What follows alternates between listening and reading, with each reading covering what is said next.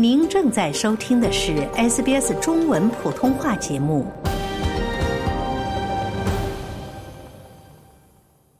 听众朋友们，大家好！您现在正在收听的是《闲话澳洲》，我是雨夜。那在上期的节目之中呢，我们和大家讲了一讲在澳洲超市中可以常见到的面包的种类以及它们不同的大小。那我们也是同时跟大家分享了在超市中经常可以看到的那些不甜的面包。那对于我们很多的华人听友来说啊，可能您也是和我一样喜欢吃带甜味儿的面包。那是否在澳洲的超市中，我们也可以买到这类面包呢？今天呢，我们还是请到了特约嘉宾 Helen Lewis 来接着上期一起来说一说澳洲的面包。Helen 您好。雨燕你好，听众朋友们大家好。嗯哈伦在上期的节目之中，我们是说到了这个不甜的面包啊，那是否在澳洲的超市之中，我们也可以买到比较适合华人口味的甜味儿面包呢？对，上一期我们说过，澳洲的面包呢一般是不甜的，因为他们作为面包来讲呢，就跟我们的米饭一样，是作为其他的一些食物的衬托，比如说果酱啊或者花生酱之类的。但是呢，他们也有甜的面包。我们先说一个呃稍微有一点点甜味的吧，那就是大家应该知道叫 raisin toast，就是葡萄干面包。这个呢，在澳洲其实还是非常普遍的，尤其是有的时候呢，就是作为咖啡馆的一个。早上的早餐呐，或者早午餐的，它一个菜单上呢，通常大家可以看到，就是 raisin toast 葡萄干面包呢，它会作为一个单独的一个选项给它列出来。它的甜味呢，其实是主要是来自面包里的那些葡萄干。嗯，随后呢，通常呢也会加一些 cinnamon 肉桂，这样的话呢，葡萄干呢给了它一些甜味。呃，一般呢大家又喜欢就是烤了以后抹上一层厚重的黄油，或者呢有的时候还可以再涂抹果酱啊、蜂蜜之类的。当然，我个人就觉得那个就太甜了。嗯，但是呢，呃，总的来讲，如果大家觉得没有味道的面包吃不习惯，可以考虑试一下这个。嗯，听起来也是非常的适合华人啊，因为它不仅有这个面包的一个味道，还有一个葡萄干的清甜，感觉也是非常适合早餐的一种搭配。对，还有呢，就是除了那个呃 raisin toast 之外呢，还有一个可能没有它那么大众吧，呃，但也不能称为小众，因为作为嗯。澳洲人来讲呢，澳洲人还是挺喜欢把果脯放在面包或者蛋糕里面的。你可以在超市啊，或者呃面包房啊，看到一些叫 fruit loaf。就是里面放了一些葡萄干呐、果脯啊，通常有杏脯啊、呃之类的这一些面包。这个呢也是有一些甜味的，但还不是特别的甜。但是呢，这个面包的确烤完之后再涂一层黄油是特别的香。嗯，只是从听来说，已经让我感觉到非常的美味了。那除了刚才提到的这两种，可能是含葡萄干儿或者是含其他果脯的一些面包之外，有没有一些高糖高油的一些甜味面包呢？有啊，近几年来，不知道大家有没有注意到，就是澳洲的超市的呃面包。专柜那里呢，呃，有一个面包，等于是一枝独秀，就突然之间就特别的受欢迎。那个呢，就是 brioche，那个呢，其实就是法国黄油面包。其实我觉得，个人认为，呃，澳洲的 brioche 的销量呢，是华人一手给它带上去的。因为那个面包呢，就是重糖、重奶油、重鸡蛋。虽然说在超市的呢，呃，可能鸡蛋放的不太多吧，因为它的作为成本上来讲吧，但是呢，非常甜。在英语呢，有一个呃，有一个单词叫 pastry，也就是说我们说的那些糕点。呃，其实说实话，我觉得 brio 是可以归到 pastry，归到糕点这一类了。但是它的确是非常适合我们华人的胃口，因为呢，它就是我们从小到大习惯的面包的味道，就是甜甜的，有着浓郁的奶香味。呃，就是从黄油那里来的那个浓郁的奶香味。嗯，是的，我自己也是非常喜欢这一款面包啊。感觉每次到超市想要买这款面包的话，都要靠去抢。因为我是住在一个可能华人比较密集的地区啊，可能大家也都是听说了这个面包，然后也是觉得它非常好吃。所以我觉得 Helen 刚才说的也是没错啊，这种面包的销量可能真的是我们华人一手给带起来的。对，啊，我觉得看到就是社交媒体上大家都会贴一些不钥匙 loaf，就是那个 brioche 的那个一条状的那个面包的那个图。据我观察，我看到的就是 Coles 跟 Woolf 这两大超市，它的那个 brioche 面包呢，其实都是从法国进口来的。的确是非常好吃，但是呢，它这就意味着呢，它是以冷冻的方式过来的。因为呢，你可以在它的包装袋上都可以看到 “not suitable for freezing”，也就是说不能再冷冻了。因为大家知道，就是冷冻过一次的东西解冻之后就不宜再冷冻了。所以呢，如果说你对这个你对食物的新鲜呃有所顾忌的话呢，可能嗯。之前还不知道这个法国的黄油面包呢，其实是被冻过的。希望我这么一说呢，不会让大家觉得哦，这个以后我不能吃了。其实呢，就是在超市很多面包，我不知道大家有没有看到过一些一个。包装里面有好几个餐包，随后呢说大家可以回去以后自己再去加热，嗯，因为它是半成品，就是没有完全烘焙完毕，呃，回去呢自己加热，这样的话呢就是可以吃热气腾腾的新鲜面包。其实大部分这些面包呢是经过冷冻，呃，是从国外进口的，大家觉得有点不可思议吧？因为面包这个东西居然怎么还需要进口呢？但是的确是有这么做。嗯，所以说，如果有这方面顾虑的听众朋友们，在超市中购买面包的时候，还是可以多留一个心眼儿啊。其实，澳洲人呢，我觉得很多会买面包，就包括他们。平时买的那些切片的三文治面包呢，有很多澳洲的大的家庭，他们比如说，呃，因为澳洲人的习惯很多呢，是以一个星期购物一次，他们其实会把面包买回家，随后呢就一条一条的冷冻起来，随后呢在需要用的时候呢，他们会直接就是把那个面包给拿出来，直接去冷冻的面包去烤，所以这也就是因为为什么在我们的烤面包机上。一般来讲，烤面包机上呢都有一个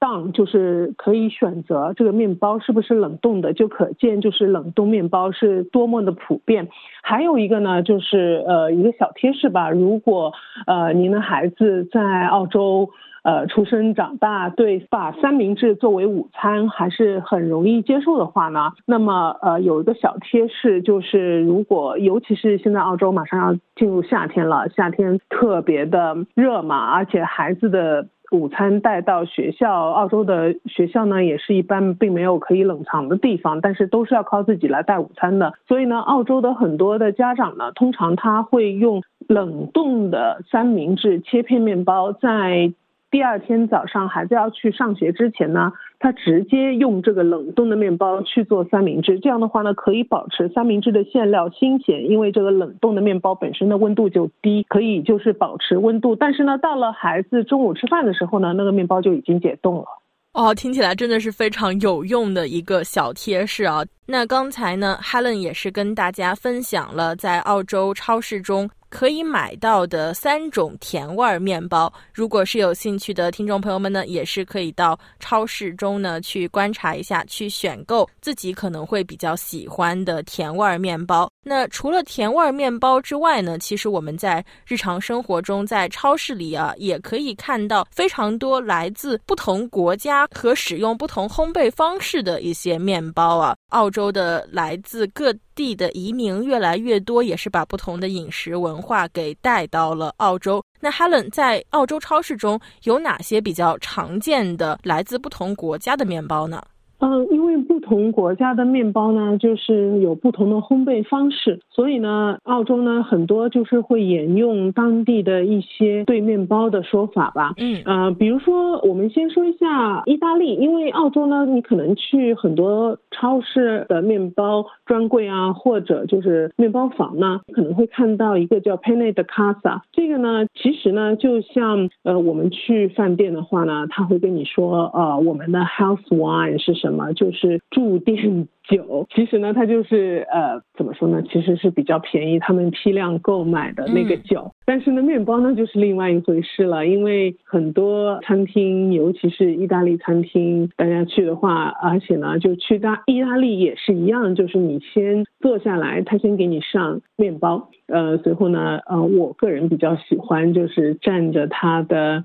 Balsamic vinegar，随后就是那个呃意大利黑醋，再加上一点非常好的就是初榨橄榄油，就蘸着这么吃，这是可能是我面包涂一层黄油之外的那个是首选，这个是第二选。所以呢，pane de casa 的意思呢就是 house bread，也就是说呢，工艺简单、味道还行的大陆面包，就是每家每户都会备着的。面包，也就是说呢，就是呃朴实无华的，当做面包来吃的面包，那就是 pane de casa。呃，接下来还有一个意大利的面包呢，大家可能看到过，叫 ciabatta。这个呢可以说是意大利长棍吧，虽然它不是棍的形状，它呢是那种像维也纳面包这样，有的时候呢是比较长一点的，但是呢它要更扁平一点，口感跟质感呢跟那个 baguette，我们第一集应该提到过，就是法国长棍那个呢比较相似，那个面包的皮呢非常的硬，非常的脆，非常的尖锐。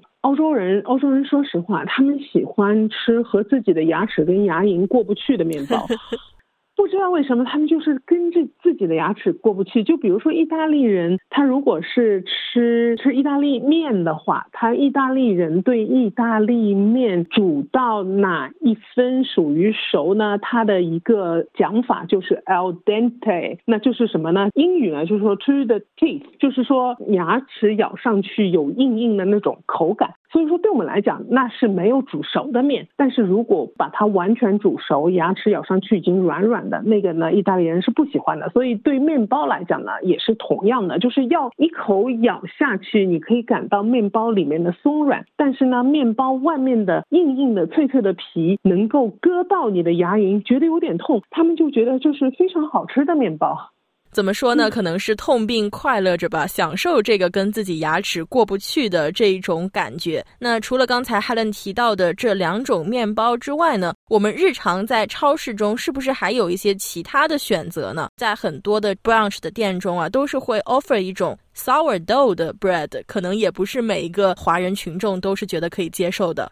对个人来讲，其实我不太喜欢吧，不能说不喜欢，但我不太喜欢 sourdough，就是酸面包。而且我也搞不懂为什么突然之间 sourdough 非常的风靡。是的，呃，酸面包现在真的是在澳洲非常非常的风靡。如果你去吃 brunch 的话呢，一般来讲，如果是是说就澳洲传统的呃一个。Big breakfast 就是有鸡蛋呐、培根呐什么，一般它通常会配两片面包。以前呢就是配两片一般的白面包或者黑面包、全麦面包。但是呢，它现在大部分呢都是配两片酸面包。嗯，我也不知道，说实话，我真的不知道为什么突然之间风靡一时。有一种说法就是面包的酵母如果吃的太多，对你的身体呢并没有特别大的好处。但是酸面包呢，它不同，它不是一般我们所用的通常用的那个酵母来发面的，它是靠面粉菌跟水天然形成的一种酵母。它呢是做成一个，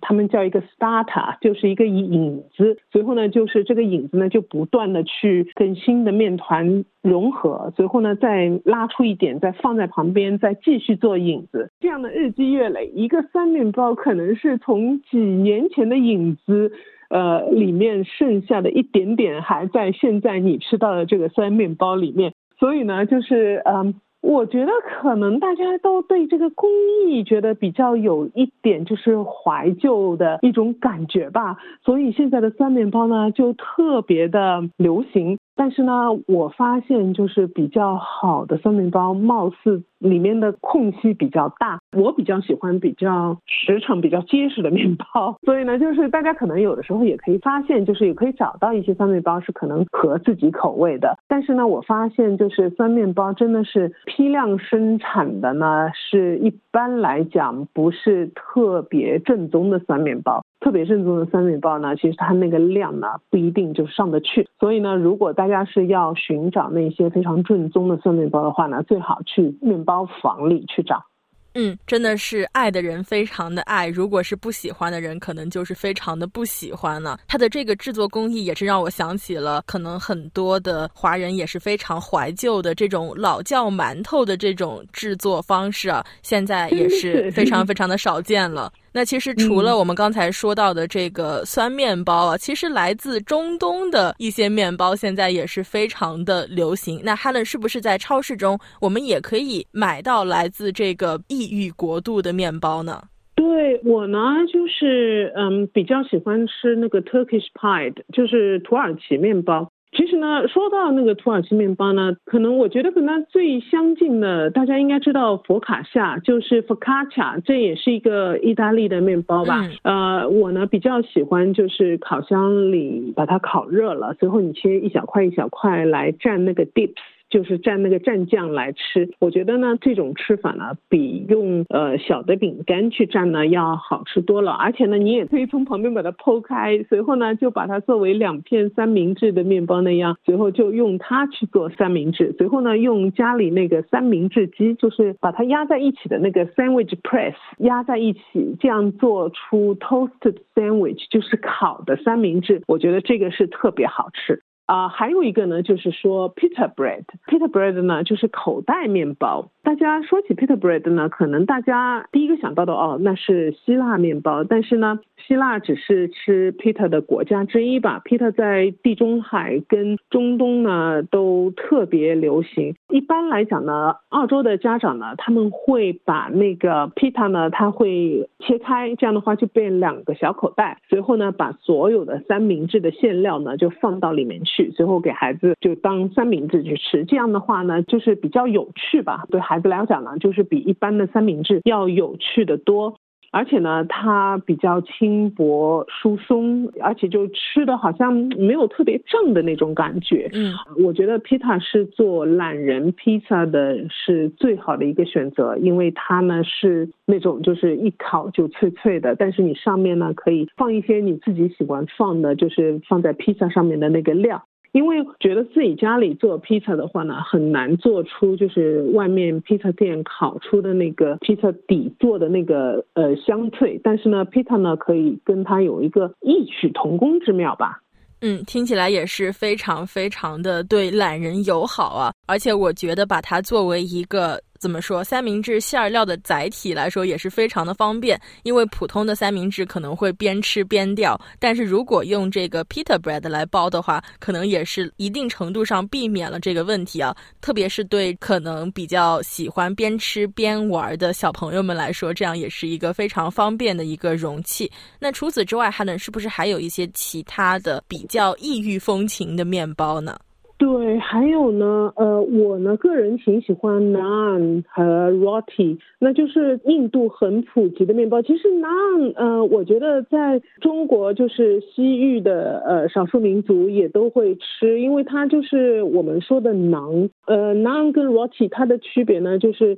naan 这个面包呢它是加了酵母的，但是 roti 呢是没有加酵母的。所以呢，馕馕这个东西呢，在中西亚地区呢吃的还是挺多的。呃，roti 呢，在东南亚呢也很普遍。因为我们如果去吃泰餐的话，大家都会知道，就是如果你点那个沙台，它有的时候会可能给你上一份 roti。澳洲的泰国餐厅大部分它都有一道菜，就是 roti with satay sauce，就是 roti 加上那个沙嗲酱。还有一个呢，就是不知道大家有没有注意到，在超市啊，有的时候超市有买那个怎么说呢，就相当于我们的香蒜面包。就是如果我们去餐厅的话，很多餐厅都会有香蒜面包。但是呢，在超市你可以看到有一款叫 Afghan bread，就是阿富汗面包。它呢就是一个非常非常长的，其实呢长得跟那个 naan 呢比较像，但是比馕要长很多很多。随后呢上面有呃一些就是蒜蓉。回家之后把它烤热了，真的是特别好吃。最后呢，就可能要说一下 tortilla，也就是说墨西哥饼。传统呢是用玉米面做的，但是呢在澳洲呢，可能用面粉做的还是占多数吧。如果大家喜欢吃墨西哥包饼的话呢，其实是最方便的，就是在澳洲的超市有很多这种料理包，呃，料理包里面呢就会有一个包括饼啊，以及它的调味料啊之类的，大家可以在家里就可以去这么做着吃了。我觉得这个也是一个不错的选择，虽然说不是特别特别正宗，但是呢，也是一个品尝异域风味的食品的一个比较好的方式。刚才 Helen 说的这个墨西哥卷饼的这个 kit，感觉每次它只要打折的时候，我们家都会囤上好几个，因为真的是非常方便的懒人晚餐。如果是做牛肉口味的话，只要去超市买一盒牛肉，再加上一点洋葱，就可以非常轻松的完成了。再加上一些沙拉，一顿晚餐就可以说解决了。所以，正如哈伦所说，是非常适合双职工的家庭的。那刚才哈伦也是说到了这个阿富汗的面包啊，呃，如果大家是想尝试这款面包的话，我也是非常推荐大家去到 Coburg 这一个区，因为那边有非常多的中东餐厅，其中不少中东餐厅的这个阿富汗面包都是可以免费吃到饱的。那如果是有兴趣的听众朋友们呢，可以。做一些调查，说不定可以找到比较喜欢的餐馆。说实话，呃，如果需要买地域面包呢，就像于言你刚才说的，对 Coburg 是一个非常好的去处。其实我觉得 Coburg 的面包店呐，还有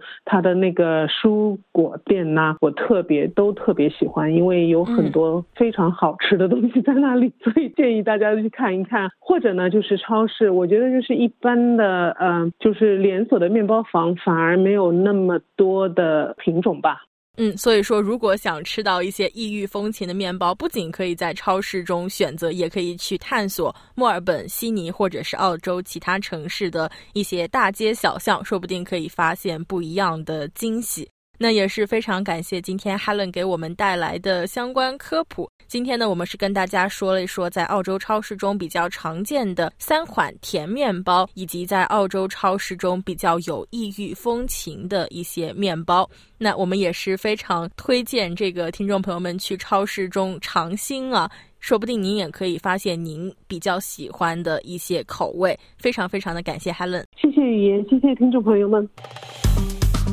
喜欢、分享、评论。欢迎您在 Facebook 上关注 SBS 普通话页面。